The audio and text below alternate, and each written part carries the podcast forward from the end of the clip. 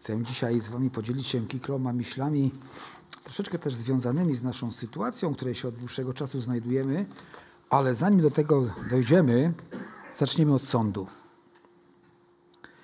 Patrzę specjalnie na Was, jak zareagujecie, ponieważ ja jako listonosz przynoszę sąd, z sądów listy i różnie ludzie reagują. Generalnie budzi to emocje.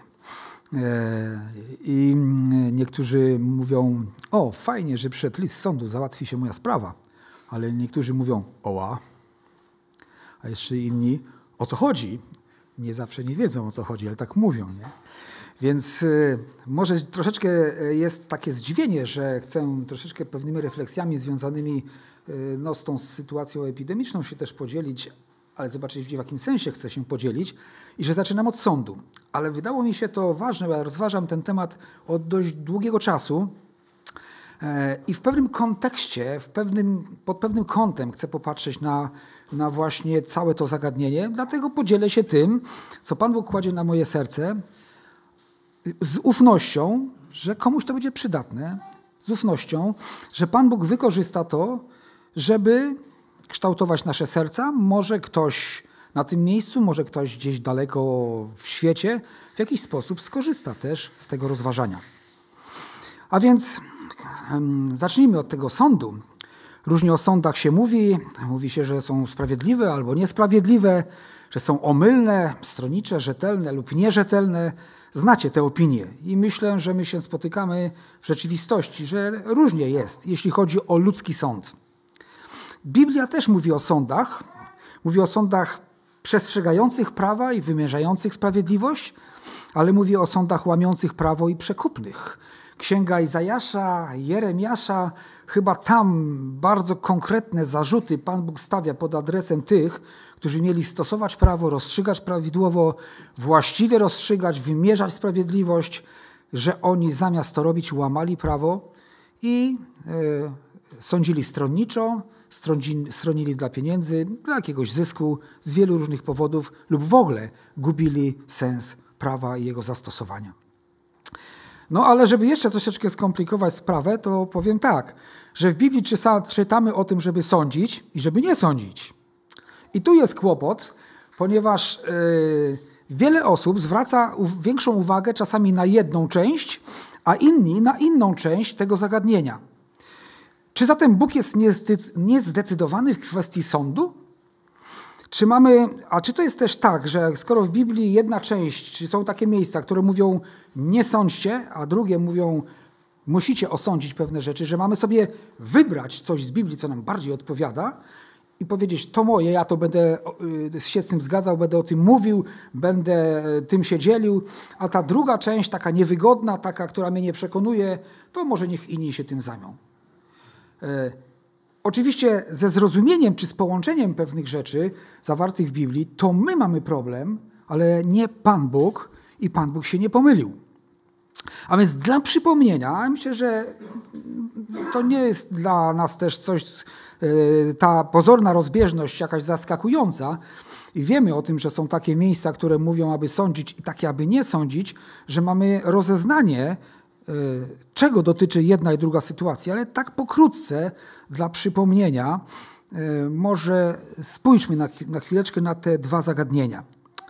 Otóż Jedną rzeczą, o której, jednym z, jednym z sądów, o którym czytamy w, w Nowym Testamencie, jest sąd czy rozsądzanie spraw z powodu oczywistego, jawnego grzechu. I jeśli o to chodzi, jeśli o tą kwestię chodzi, to mało tego, że powinniśmy te sprawy rozsądzać, to Słowo Boże wręcz nakłada na nas obowiązek, aby nie milczeć w sytuacji, kiedy grzech wyjdzie na wierzch, stanie się oczywisty i widoczny. Czytamy w pierwszym do Koryntian, w piątym e, rozdziale, w dwunastym wersecie, bo czy to moja rzecz sądzić tych, którzy są poza zborem, czy to nie wasza rzecz sądzić tych, raczej tych, którzy są w zborze, tych którzy są poza nami, Bóg sądzić będzie, usuńcie tego, który jest zły spośród siebie. Takie zalecenia mamy Bożego Słowa w odniesieniu do oczywistego grzechu, do stwierdzonego grzechu. E, i ja nieraz y, tak sobie myślę i mówię czasami, y, nieraz też tym się dzieliłem, że dopóki grzech czy jakaś zła rzecz, która nieprawidłowa rzecz, która dzieje się w pewnym, pewnie nie, w zaciszu, to znaczy jest to tylko sprawa między tobą a Bogiem, nikt nie jest w stanie z nas tej rzeczy osądzić. To jest oczywiste. Natomiast jeśli grzech staje się publiczny, jeśli staje się wiadomy, jeśli staje się stwierdzonym grzechem, bo są świadkowie, to naszym obowiązkiem jest zająć stanowisko takie, jakie na nas nakłada Boże Słowo. Oczywiście każdy, każde rozsądzenie sprawy związanej z grzechem, każde dyscyplinowanie chrześcijanina, który popełnia grzech, ma na celu pozyskanie brata czy siostry i y, celem jest odwiedzenie go od grzechu, a przywrócenie do właściwej relacji z Bogiem i do posłuszeństwa Bożemu Słowu. I kiedy czytamy tutaj usuncie tego, który jest zły spośród siebie, jest to rozstrzygnięcie, oczywiście jest jakiś wyrok, który ma jeden główny cel, skoro już grzech zabrnął tak daleko, że trzeba usunąć tego, który jest zły spośród siebie, że chodzi o zachowanie zboru w czystości. Wiecie, z grzechem jest jak z wirusem. On szybko lubi zajmować nowe miejsca i nowe umysły i, nowe, i, i pobudzać ludzi do grzesznych czynów. Dlatego też Słowo Boże mówi, że z grzechem należy postąpić zdecydowanie jednoznacznie. Grzechowi należy się sprzeciwić w świetle Bożego Słowa i zgodnie z Bożym Słowem, pokazując grzesznikowi, że odstąpił od Bożego Słowa w tym miejscu i w tym i musi się upamiętać, jeśli nie chce zginąć. Słowo Boże też podpowiada i mówi, że w jaki sposób powinniśmy postępować. Też kiedy zauważymy coś takiego dziwnego u kogoś, że jakoś tak dziwnie zachowuje, robi coś, co już tu nie bardzo się zgadza z Biblią, wręcz nie zgadza się z Pismem Świętym. Yy, więc oczywiście Słowo Boże w Ewangelii Mateusza w 18 rozdziale mówi o tym, że sprawy dotyczące czyjegoś grzechu mają być rozstrzygane bez pośpiechu, rozważnie, choć też nie zawsze bez pośpiechu, bo na przykład apostoł Paweł upomniał Piotra, bo publicznie zachował się źle i dopuścił się pewnego grzechu, e, obłudnego postępowania, więc tam była reakcja natychmiastowa. Ale normalna zasada postępowania jest zawarta w tej Ewangelii Mateusza i tam Słowo Boże instruuje, jak należy postępować, aby zatrzymać grzech w życiu chrześcijanina i jednocześnie uniknąć pomyłki. Tam czytamy najpierw, kiedy widzisz grzech, to nie idziesz do brata i siostry innego i mówisz, o, widziałem u niego grzech, tylko idziesz do tego, który zgrzeszył, rozmawiasz, pytasz o co chodzi, chcesz się przekonać, czy rzeczywiście tak jest, upominasz, jeśli jest rzeczywiście grzech i zostawiasz sprawę. Czekasz, jeśli zobaczysz, że nic się nie poprawia, bierzesz jeszcze jednego lub dwóch, to samo robicie w dwóch lub trzech, jeśli by jeszcze wtedy nic się to nie pomogło i się nie opamiętał i nie wycofał ten ktoś z grzechu, wtedy stawiamy to przed zbór. Jeśli przez zboru nie usłucha, ma być jak poganin celnik. Tak? Więc tam Słowo Boże pokazuje, i, y, że pe pewne rzeczy muszą odbyć się we właściwy sposób. Y, y, szczególnie w sytuacji, kiedy ktoś jeden zauważa czyjeś niewłaściwe postępowanie, należy to stwierdzić. Należy to w oparciu o kilka osób rozstrzygnąć, jak się sprawy mają. A więc w kwestii grzechu nasza, nasze działanie musi być jednoznaczne. Osądzamy grzech, przeciwstawiamy się grzechowi i robimy wszystko, aby osobę, która jest w grzechu, wyrwać z tego i pokazać im jej błąd, uświadomić, że jest w grzechu, bo może tego nie wiedzieć w amoku, wiecie, jakimś po prostu może zamykać swoje serce i tego nie czuć, tak jak przez pewien czas król Dawid tego nie czuł, aż przyszedł prorok Natan i go upomniał. A więc w kwestii grzechu sąd jest naszym zobowiązaniem i tu Słowo Boże też mówi nie tylko do starszych zboru, że mają przeciwstawiać się grzechowi, ale e, słowo skierowane do Koryntian mówi, jest słowem skierowanym do całego zboru. I tam jest napisane, usuńcie tego, który jest zły spośród siebie. To musi być decyzja też całego zboru. A więc w kwestii grzechu oczywiście jest, musimy postąpić tak, jak Boże Słowo mówi, ze względu na ochronę całego zgromadzenia, całej społeczności, ponieważ zgromadzenie jest święte i musi być święte i nie może skłonić się w stronę żadnego grzechu. Ale czytamy też o sądach z pozoru, o nieuzasadnionym jakimś sądzeniu, o sądzeniu złej, ze złej motywacji, o pochopnym sądzeniu, o sądzie, który jest niepotrzebny. Często to dotyczy zwyczajów, motywacji, sposobów działania, różnych przekonań lub upodobań, na przykład kulturowych. I tutaj mam ciekawy tekst, ciekawe miejsce z objawienia według świętego Jana z 21 rozdziału, werset 26 i 27. Tam czytamy o Nowym Jeruzalem, objawienie Jana 21, 26, 27. Tam tam czytam, e, to jest ten czas, kiedy Słowo e, Boże tam opisuje no już te miejsce, w którym znajdzie się lud Boży i tam światłością będzie baranek, tam lampa nie będzie potrzebna, tam będzie miejsce i sytuacja i okoliczności, o których nie mamy chyba za bardzo zielonego pojęcia, jak to naprawdę będzie wyglądać. Wiemy jednak, że będzie to czas społeczności z Bogiem i przebywania razem z Bogiem, i Bóg będzie też przebywał wśród swojego ludu. I co my tam czytamy?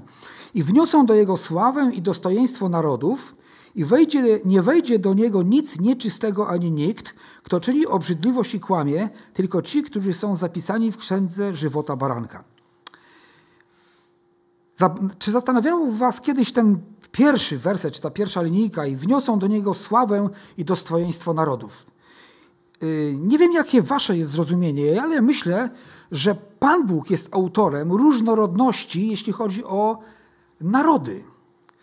Y, że są taka, jest taka przestrzeń w kulturze narodów, która nie jest sprzeczna z Ewangelią i w jakiś sposób te narody wniosą sławę i dostojeństwo również do tego nowego Jeruzalem. A więc, ale skoro tam nie wejdzie nic nieczystego, ani nikt, kto czyni obrzydliwość i kłamie, więc to, co wniosą te narody, nie może być sprzeczne z Ewangelią. Ale zobaczmy, że Pan Bóg również ma e, takie szerokie spojrzenie na kwestię różnorodności. E, no przecież e, doskonale wiemy, że inaczej funkcjonują zbory murzyńskie, Inaczej funkcjonują zbory polskie. Inna jest mentalność naszych e, umiłowanych braci i sióstr ciemnoskórych, a inna, inna jest mentalność e, gdzieś tutaj w Europie, czy inna jeszcze w Stanach Zjednoczonych. I nie wiem, jak wy odczuwacie, ale czasami, kiedy ja patrzę na taki murzyński zbór, kiedy oni tam pląsają, kiedy chwalą Pana, to wydaje nam się to tak bardzo naturalne, tak oczywiste. I właściwie e, udziela się ta radość. Ja w tym momencie gotów jestem prawie z nimi zacząć to robić. Przynajmniej w myślach, bo nigdy tam nie byłem w takim zborze. Ale wyobraźmy sobie taką sytuację u nas, gdyby ktoś zaczął tak robić, byłoby to dziwne. Ale w niebie, w Nowym Jeruzalem, ta różnorodność narodów się zmieści. Nasza powaga i murzyńska radość. I wiele innych rzeczy, które może dla nas są nie do zaakceptowania by były, to jednak, czy przypadkiem nie jest tak, że Bogu się mogą pewne rzeczy podobać, jeśli nie są sprzeczne z Jego słowem? I czy to nie jest tak, że On również kształtuje narody? I dalej w Ewangelii Mateusza w rozdziale 7 czytamy: e, Nie sądźcie, abyście nie byli sądzeni, albowiem jakim sądem sądzicie, takim was osądzą, jaką miarą mierzycie, taką i wam odmierzą. I dalej w Ewangelii Jana 7,24 nie sądźcie z pozoru, ale sądźcie sprawiedliwie. Pierwszy werset siódmego rozdziału mówi nie sądźcie, abyście nie byli sądzeni. Nie wiem, jakiej sytuacji może to dokładnie dotyczyć, ale wyobrażam sobie, że czasami są ludzie, są osoby, którym zawsze coś nie odpowiada. Wiecie, oni zawsze coś zobaczą, zawsze to skrytykują, zawsze wytkną. Ja e, w, odnośnie takiego postępowania mówię tak – że tym, co najbardziej niszczy relacje między ludźmi, również w małżeństwie, również w rodzinach czy w zborze, to ciągłe wytykanie czyichś braków. Wyobraźcie sobie taką sytuację, może się zetknęliście, że za każdym razem, kiedy przyszliście, przychodzicie do zboru, to jest ktoś taki, kto powie, coś zrobiłeś nie tak, spojrzałeś nie tak, ubrałeś się nie tak, może jakąś inną rzeczą zrobiłeś nie tak. I może są to sądzenia z pozoru, a on, on powiedział takie słowo, to na pewno on myśli tak i na pewno on potem zrobi jeszcze gorsze rzeczy.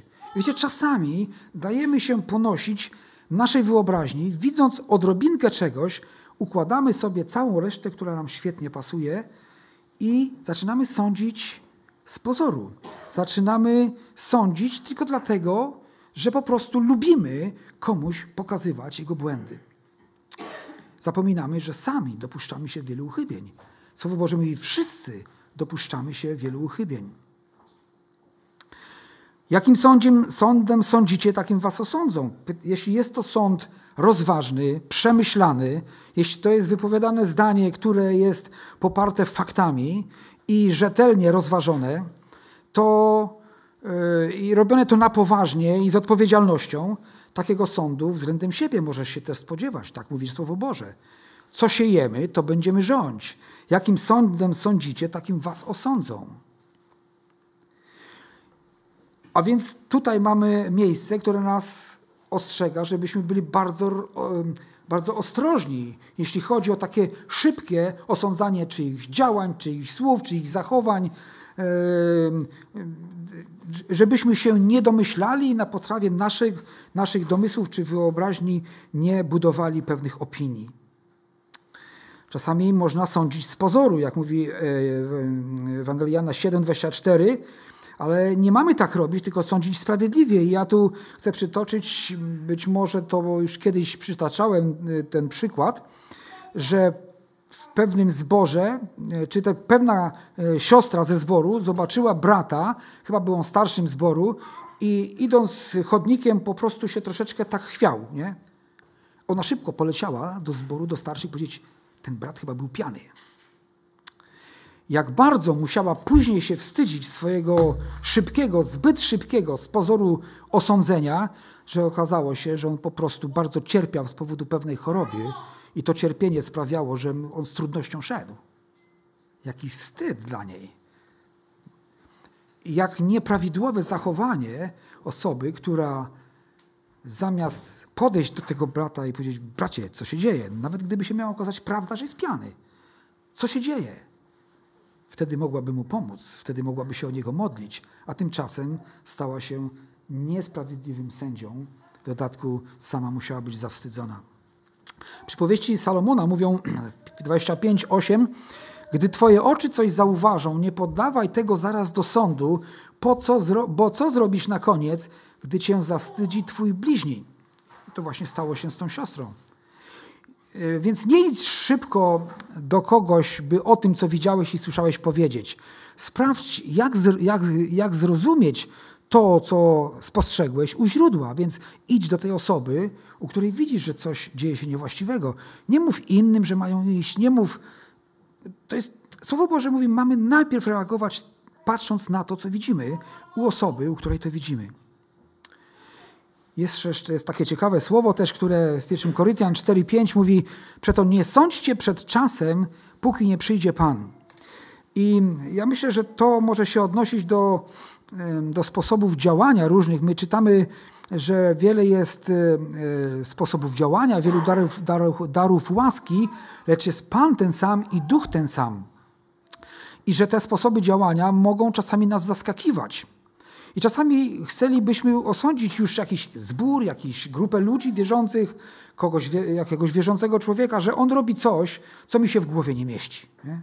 Że on chodzi w takie miejsca, e, jakieś takie dziwne, na przykład poszedł spotkać się z duchowieństwem jakiegoś kościoła, nie? takiego, do którego mamy wątpliwości, jeśli chodzi o, to, o ten kościół. I wtedy mówimy, o, to pewnie on już wpadł tam w ekumenizm czy jakieś inne rzeczy, to on chyba już przepadnie i zginie. A Słowo Boże mówi, nie sądźmy przed czasem, dopóki nie przyjdzie Pan, bo Pan zna serca, zna motywację, wie dlaczego czasami podejmujemy takie czy inne działania i nie łudźmy się, to co nas dziwi w innym zborze, innych może zdziwić nasze postępowanie. Może nieraz dziwić. My w szczerości przed Panem robimy pewne rzeczy, jak potrafimy, pewnie niedoskonały sposób, a inni też robią, a może jakieś inne, które dla nas mogą się wydawać dziwne. Ostatnio czytałem niedawno o tym, że pewien e, zbór w Warszawie postanowił jeszcze jeden zbór zorganizować w centrum handlowym, w samym centrum handlu i biznesu. Mogą być różne spostrzeżenia na ten temat, różne opinie. W tym harmitrze, w tym hałasie, tam, Słowo Boże. No a gdzie, jak nie tam, z drugiej strony? A więc mogą być takie nasze spostrzeżenia, które wydają nam się takie, no, no, no my, myśmy takich rzeczy nie znali. No, nasze zbory to tego nie robiły i jak, czemu nie takie rzeczy robią? To taka nowość, taka dziwna, takie nowoczesne, a więc może za bardzo. Może zostawmy to, niech Pan oceni to ostatecznie. Dobra, powiedzieliśmy trochę o tych sądach, że sąd słuszny i konieczny i potrzebny. Są też sądy, które mogą być błędne i fałszywe i, i musimy być bardzo ostrożni w, tym ocenianiu e, e, braci i sióstr w kwestiach drugorzędnych. Wiecie, są, są rzeczy, które nie podlegają dyskusji, jak takie doktryny związane z Bogiem, ze zbawieniem. No to są rzeczy podstawowe, natomiast i tam, tam jakby nie ma e, możliwości, nie, nie ma tak zwanych widełek, tak? Jeśli jest napisane, kto kradnie, niech kraść przestanie, no to, no to znaczy, że tak ma być. Ale, ale są też takie rzeczy, o których no, Słowo Boże mówi, że różne są sposoby działania, różne dary łaski, lecz ten sam Pan. A więc to, jeśli czasami nie rozumiemy tego, co ktoś robi, nie oceniajmy zbyt szybko. To znaczy, przyglądajmy się, ale nie zbyt szybko stawiajmy krzyżyk, tak zwany. Ale ponad tym wszystkim, ponad sądem jednym i drugim jest ważna jedna rzecz. Jeśli jej brakuje, to będzie kiepski i ten słuszny sąd z powodu grzechu może zamiast być taką, takim sądem uwalniającym, przynoszącym pokój, może stać się po prostu jakąś taką katorgą i czymś bardzo przykrym i, i, i niszczącym, jak również to osądzanie w sprawach drugorzędowych. Hebrajczyków 13.1 czytamy taki prosty wers, werset. Hebrajczyków 13.1. Miłość braterska niechaj trwa. Jest ona o wiele lepsza od pochopnego sądu. 1 Piotra 4,8 czytamy nade wszystko miejcie gorliwą miłość jedni ku drugim, gdyż miłość zakrywa mnóstwo grzechów. O jak bardzo byśmy chcieli, żeby ta miłość względem nas, mnie się objawiała i zakrywała mnóstwo grzechów. Ale to przecież ja powinienem w tej Bożej miłości umieć też zakryć mnóstwo grzechów. Wiecie, jeśli ktoś naprawdę tak nie miłuje w właściwy sposób drugiego brata, to szybko odkrywa grzech. Do publicznej wiadomości. Tu szepnie słówko, tam szepnie słówko ale miłość, prawdziwa miłość, nie obnaża kogoś w jego grzechu, lecz pomaga temu, który jest w grzechu. A więc ta miłość jest potrzebna w każdym sądzie, w każdym rozsądzaniu, w każdym wydawaniu każdej opinii. Oczywiście zadanie, które Słowo Boże daje wszystkim członkom zboru, e, jest zapisane w 1 Koryntian 5:14 i tam czytamy: Wzywam was też, bracia, napominajcie niesfornych, pociszajcie bojaźliwych, podtrzymujcie słabych, bądźcie wielkoduszni wobec wszystkich. Czy widzimy, jak wspaniały jest to plan służby i działania dla zboru? Oczywiście są w zborze niesforni. Tacy, którzy zawsze uważają, że wiedzą lepiej niż wszyscy inni, że wiedzą lepiej niż Słowo Boże, że uważają, że co prawda Słowo Boże tak mówi, ale no, no trudno, ale on będzie jednak robił trochę inaczej. A więc mamy napominać niesfornych. I to nie jest zadanie czy tylko dla y, starszych, aczkolwiek oni mają szczególną odpowiedzialność, ale to jest dla każdego, żeby w trosce i z pełną taką miłością, z jaką Pan Jezus do y, Judasza powiedział przyjacielu, pocałunkiem zdradzasz Syna Człowieczego, z taką prawdziwą Bożą miłością przyjść i, i, tego niesfornego napomnieć, wskazując jak, mówi Boże Słowo, i że odchyla się od tego pionu Bożego Słowa. Ale mamy też pocieszać bojaźliwych. W zborze są też bojaźliwi. Tacy, którzy potrzebują wsparcia, dla których sytuacje życiowe są, ciągle są trudne i ciężkie. I oni wiedzą, że Jezus jest pokojem, oni wiedzą, że Jezus jest wybawicielem, pocieszycielem, ale mają taki charakter, taką mentalność swoją i taki, taki temperament, że po prostu są bojaźliwi. Tych mamy pocieszać, podtrzymywać, ciągle im przypominać o Chrystusie i o łasce Bożej i o Bożej wielkości ale też mamy podtrzymywać słabych. Zobaczcie, w zborze są też słabi. Z różnych powodów słabi. Słabi w wierze albo słabi w poznaniu Bożego Słowa. Albo słabi w, nie, słabi w, nie, w niezrozumieniu wielu miejsc Bożego Słowa. Stąd ich postępowanie czasami jest nacechowane wyrzutami sumienia w różnych sytuacjach, bo nie wiedzą, co mają sądzić o tym, że zrobili taką czy inną rzecz. Bo, te, bo, może nie do końca znają ciągle Boże Słowo. A więc zobaczcie, jak, jak wiele rzeczy mamy do zrobienia jako zbór. Napominać niesfornych, pocieszać bojaźliwych, podtrzymywać słabych, ponieważ Pan Jezus lnu tlejącego nie dogasi, a czcili nadłamanej nie dołamie.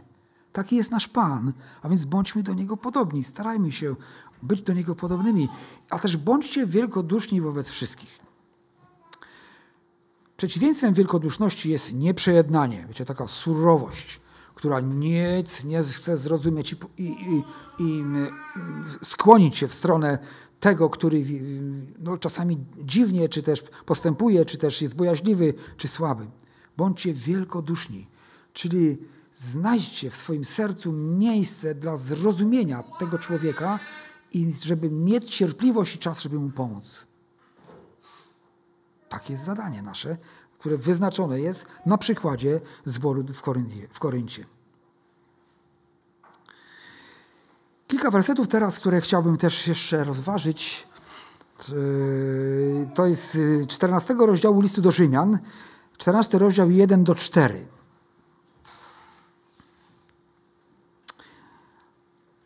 Rzymian 14, 1 do 4. A słabego w wierze przyjmujcie, nie wdając się w ocenę jego poglądów.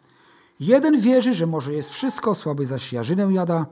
Niechże ten, kto je, nie pogardza tym, który nie je, a kto nie je, niech nie osądza tego, który je, albowiem Bóg go przyjął. Kimże ty jesteś, że osądzasz cudzego sługę? Czy stoi, czy pada, do Pana swego należy, ostoi się jednak, bo Pan ma moc podtrzymać go. Apostoł Paweł wskazuje dobrą drogę do zastosowania w sprawach właśnie drugorzędnych. Najpierw mówi o tym, najpierw przyjrzyjmy się temu, co, co mówi ten tekst. Otóż to takim słowem kluczowym jest słaby.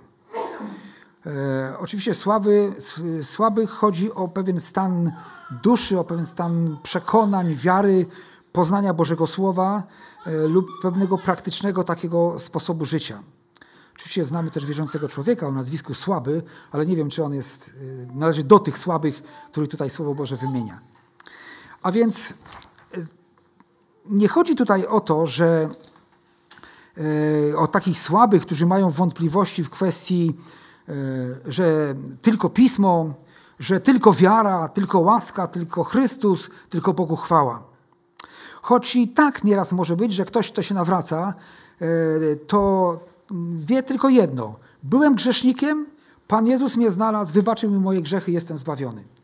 Natomiast nawet te inne takie podstawy doktryny biblijnej czasami też są mu w tym momencie jeszcze opcją. On jeszcze, on jeszcze nie wie, że tylko pismo, ale oczywiście, kiedy dowie się o tym z Bożego Słowa czy od wierzących, to natychmiast się z tym zgodzi. On może jeszcze nie wiedzieć, że tylko wiara, bo żył w, różny, w takiej kulturze, że różne rzeczy stosowane były, ale kiedy ze Słowa Bożego się dowie, że tylko wiara, to on to zaakceptuje, bo prawdziwie się narodził.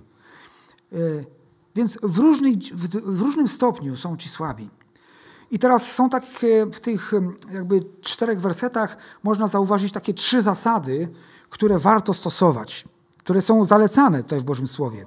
A więc pierwsza zasada, słabego w wierze należy przyjąć, jeśli urodził się na nowo, niezależnie od jego drobiazgowości lub niezrozumienia wielu niezasadniczych poglądów będąc w lokalnej społeczności, będzie dochodził do ich zrozumienia. Szczęśliwość społeczności e, nie polega na tym, że jesteśmy zgodni w każdym drobiazgu. Czyż nie jest tak, że różną podłogę chcieliśmy mieć, różne zasłonki, różny kolor ścian, wiele różnych różnych rzeczy. I szczęśliwy jest zbór, który nie zważa na drobiazgi, ale trzyma się rzeczy świętych i wielkich bo my musimy się różnić. Skoro Pan Bóg nas stworzył z różnymi z różnym poczuciem piękna, czy estetyki, czy z różnymi takimi e, upodobaniami życiowymi, oczywiście w zakresie, który nie jest sprzeczny z Bożym Słowem, no to znaczy, że że jak Bogu się może podobać nawet ta różnorodność. Skoro tak nas uczynił, to znaczy, że tak chce. I dobrze, bo wtedy uczymy się ulegania sobie nawzajem, kiedy spotykamy się z różnymi zdaniami. A więc szczęśliwa jest ta społeczność, która nie czepia się drobiazgów, ale trzyma się prawdy Bożego Słowa. Wierzący, którego wolność jest formowana przez nauczanie Nowego Testamentu, cieszy się wolnością, że każdy pokarm jest dobry, e, czysty, nadający się do jedzenia. Oczywiście tu w kontekście tego, co było napisane w liście do Rzymian, Oczywiście ja bym chciałby tutaj taką jakby dygresję uczynić, że oczywiście pamiętamy o tym, co postanowił Duch Święty i bracia w Jerozolimie, co się stało, e, a, co, co nie zostało nigdzie w Nowym Testamencie odwołane, że należy powstrzymać się od tego, co zadławione i od krwi. Tak? Tam jest takie postanowienie braci i Ducha Świętego. Tak? A więc wierzący o słabym sumieniu mógł w tym czasie na przykład być wegetarianinem, skoro obawiał się innych rzeczy. I, I to, że ktoś zostaje wegetarianinem, mogę ja nie rozumieć, bo ja tego nie będę rozumiał na przykład. Ale to nie znaczy, że mamy na niego patrzeć jak na dziwaka. No trudno. Byle nie, nie zasłabł i nie umarł, tak? E, więc, więc są rzeczy, w których, których e, jeśli kwestie chodzi o, o, o tego, co, co jemy, co nie jemy, no jak, jakież to naprawdę ma znaczenie, aby o to walczyć, czy może kimś pogardzać w sercu, to jest niemożliwe. To tak, ta miłość braterska tego nie dyktuje.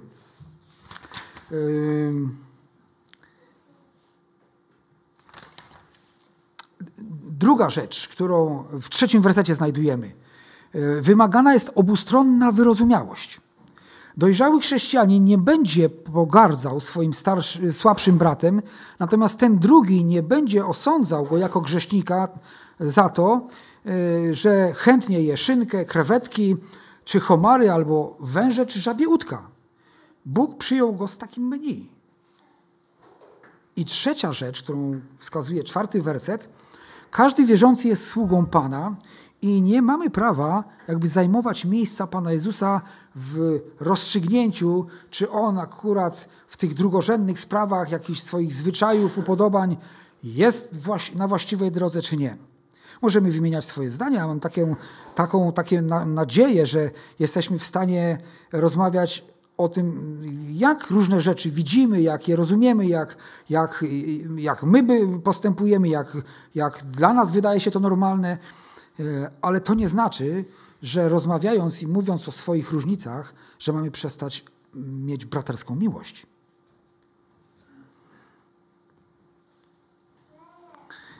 A więc e, e, jest, wierzący są sługą Pana i nie mamy prawa zajmować jak miejsca Pana, aby w kwestiach tych, o których wspominamy, potępiać właśnie, czy osądzać, w sensie potępiać brata. Każdy stoi przed Panem i to On, Pan przyjmuje go albo e, uznaje jego postępowanie za niewłaściwe. Czasami patrzymy na kogoś z góry w przekonaniu, że ze względu na te jego poglądy, które ma, to w niedługim czasie on stanie się rozbitkiem w wierze. Ale często się okazuje, że tak nie jest. Może to jest tylko po prostu nasza opinia, nasze, nasza niezdolność do, do zrozumienia, dlaczego ktoś tak postępuje taka postawa jest niewłaściwa, gdybyśmy takie sądy wydawali. E, znamy nieraz z filmów, takie słowa są wypowiedziane, wypowiadane, że jeśli ktoś tam robi jakąś złą rzecz, to ludzie mówią, w ogniu się będziesz smażył, w piekle zginiesz. E, takie takie sądy, których nigdy człowiek nie powinien się odważyć wypowiedzieć. Nawet Michał Archanioł, e, spierając się z szatanem o ciało Mojżesza, nie, wypowiedział się, nie, wy, nie odważył się wypowiedzieć yy, skazującego sądu. A tymczasem ludzie czasami się na takie rzeczy odważają. Bo Bóg podtrzyma osoby znajdujące się po obu stronach barykady. On posiada dość mocy, aby tego dokonać. Idźmy dalej do listu do Koryntian. Ten list Koryntian i Rzymian no, są listami charakterystycznymi, y, pod, jeśli chodzi o te tematy, y, y, które tutaj dzisiaj poruszamy. Więc 1 Koryntian 8 rozdział 9 wiersz czytamy: Baczcie jednak, aby ta wolność wasza nie stała się zgorszeniem dla słabych. Jest to słowo skierowane do tych, którzy mieli właściwie poznanie co do mięsa, co do ofiar składanego bałwanom. E, oni cieszyli się wolnością, bo mieli zrozumienie, że mięso jest tylko mięsem i nie ma żadnego problemu, po prostu można sobie jeść. Ale apostoł Paweł mówi tak: Niech ta wasza wolność nie stanie się czołgiem. Łukasz myśli mocno. Wiecie, czasami ta nasza wolność, którą mamy w Bogu, sprawia to, że z tą wolnością tak przemy do środka, że wszystko rozwalamy w nabok, bo jestem wolny. I nie obchodzi nas, co myśli inny, co, jak się czuje w tym momencie. Po prostu ja mam poznanie i mam wolność. Dlatego robię wszystko według tej wolności. Nie zważam, co dzieje się w sercu mojego brata czy mojej siostry. Ale czy pamiętacie, jak było powiedziane? Podtrzymujcie słabych? No dobrze, czytajmy dalej. Przeto, również ósmy rozdział, 1 Koryntian, 13 wiersz. Jeśli pokarm gorszy brata mego, nie będę jadł mięsa na wieki, abym brata mego nie zgorszył. Czyli najpierw czytaliśmy, że baczcie, aby ta wolność nie stała się zgorszeniem dla słabych. To znaczy, że my nie możemy wolności i wypływającej z właściwego poznania Bożego Słowa w tych sprawach drugorzędnych tutaj używać w sposób nieodpowiedzialny i taki, żeby siebie zadowolić. I czuć się dobrze, bo jestem wolny. Jeśli z powodu pokarmu trapi się Twój brat, Rzymian 14-15, to już nie postępujesz zgodnie z miłością. Nie zatracaj przez swój pokarm tego, za którego Chrystus umarł.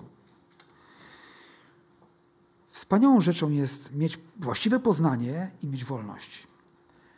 Ale Słowo Boże mówi o tym, że większą rzeczą jest troska o słabych. Troska o tego, który nie rozumie. Troska o tego, który może czuć się zmiażdżony Twoją wolnością.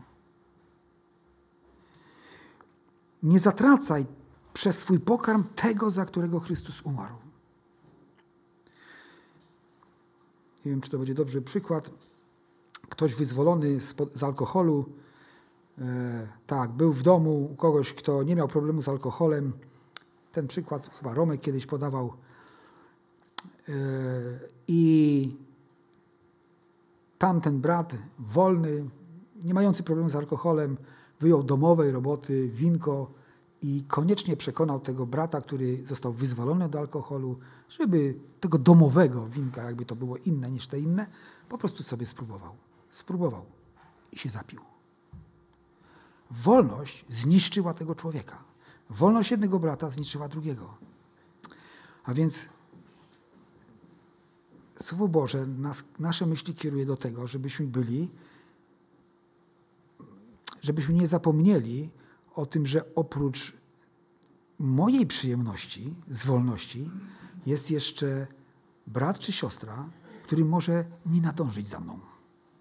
I zamiast ta wolność jemu się udzielić, to zostanie zniszczony. Rzymian 14:21 dobrze jest nie jest mięsa, ani nie pić wina, ani nic takiego, co by twego brata przyprawiało o upadek przekonanie, jakie masz, zachowaj dla siebie przed Bogiem. Tak właściwie my czytamy tutaj, że jeśli masz wolność, to jest problemem dla innych, to używaj tej wolności w domu. Ktoś powie dwulicowość. No dobrze, w takim razie Pan Bóg się pomylił, tak pisząc? Może jednak powinniśmy pójść za myślą Bożego Słowa. Przekonanie, jakie masz, zachowaj dla siebie przed Bogiem. Dobrze, no jak myśleć i gdzie szukać wzoru? Rzymian 15, 1, 2. A my, którzy jesteśmy mocni, winniśmy wziąć na siebie ułomności słabych, aby nie mieć upodobania w sobie samych. Każdy z nas niech się bliźniemu podoba ku jego dobru dla zbudowania, bo i Chrystus nie miał upodobania w sobie samym, lecz jak napisano, urągania urągających Tobie na mnie spadły. Nie mam lepszego wzoru, nie mam lepszego drogowskazu, jeśli chodzi o kwestię używania naszej wolności, która wynika z prawidłowego poznania Bożego Słowa, ale która dla innych słabych i bojaźliwych jest trudna do strawienia. Słowo Boże mówi, że, że jeśli byśmy zapomnieli o miłości i o trosce o bliźniego, to rozmijamy się z celem tej wolności w ogóle. Dobrze, jakie zastosowanie tego wszystkiego, co mówiłem? I tego, co jest w Słowie Bożym zapisane do tej pory. W czym dzisiaj możemy okazywać braterską miłość? W czym nie osądzać pochopnie i przed czasem? Widzę wielki poligon ćwiczebny w kwestiach związanych z epidemią na przykład. Są różne poglądy, ulegamy różnym sugestiom. Bywają podzielone zdania na szczepienie. Jeszcze niedawno wielu wierzących mówiło, że nie ma żadnego koronawirusa. Może jeszcze niektórzy tak uważają.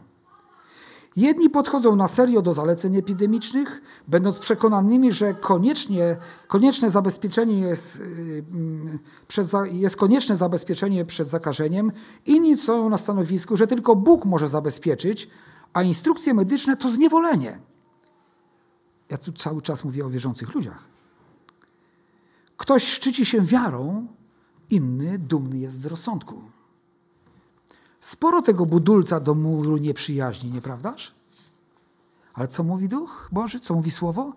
My, którzy jesteśmy mocni, winniśmy wziąć na siebie ułomności słabych, a nie mieć upodobania w sobie samych. Każdy z nas niech się podoba bliźniemu ku jego zbudowaniu, dla jego dobra. Bo i Chrystus nie miał upodobania w sobie samych, lecz jak napisano, urągania urągających Tobie na mnie spadły.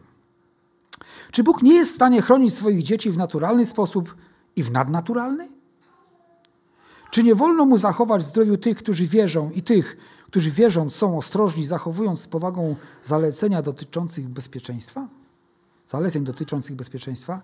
Czy nie ma Bóg mocy, by bez dbania o zasady ruchu drogowego doprowadzić nas do celu? Ale czy to znaczy, że mamy lekceważyć kodeks drogowy?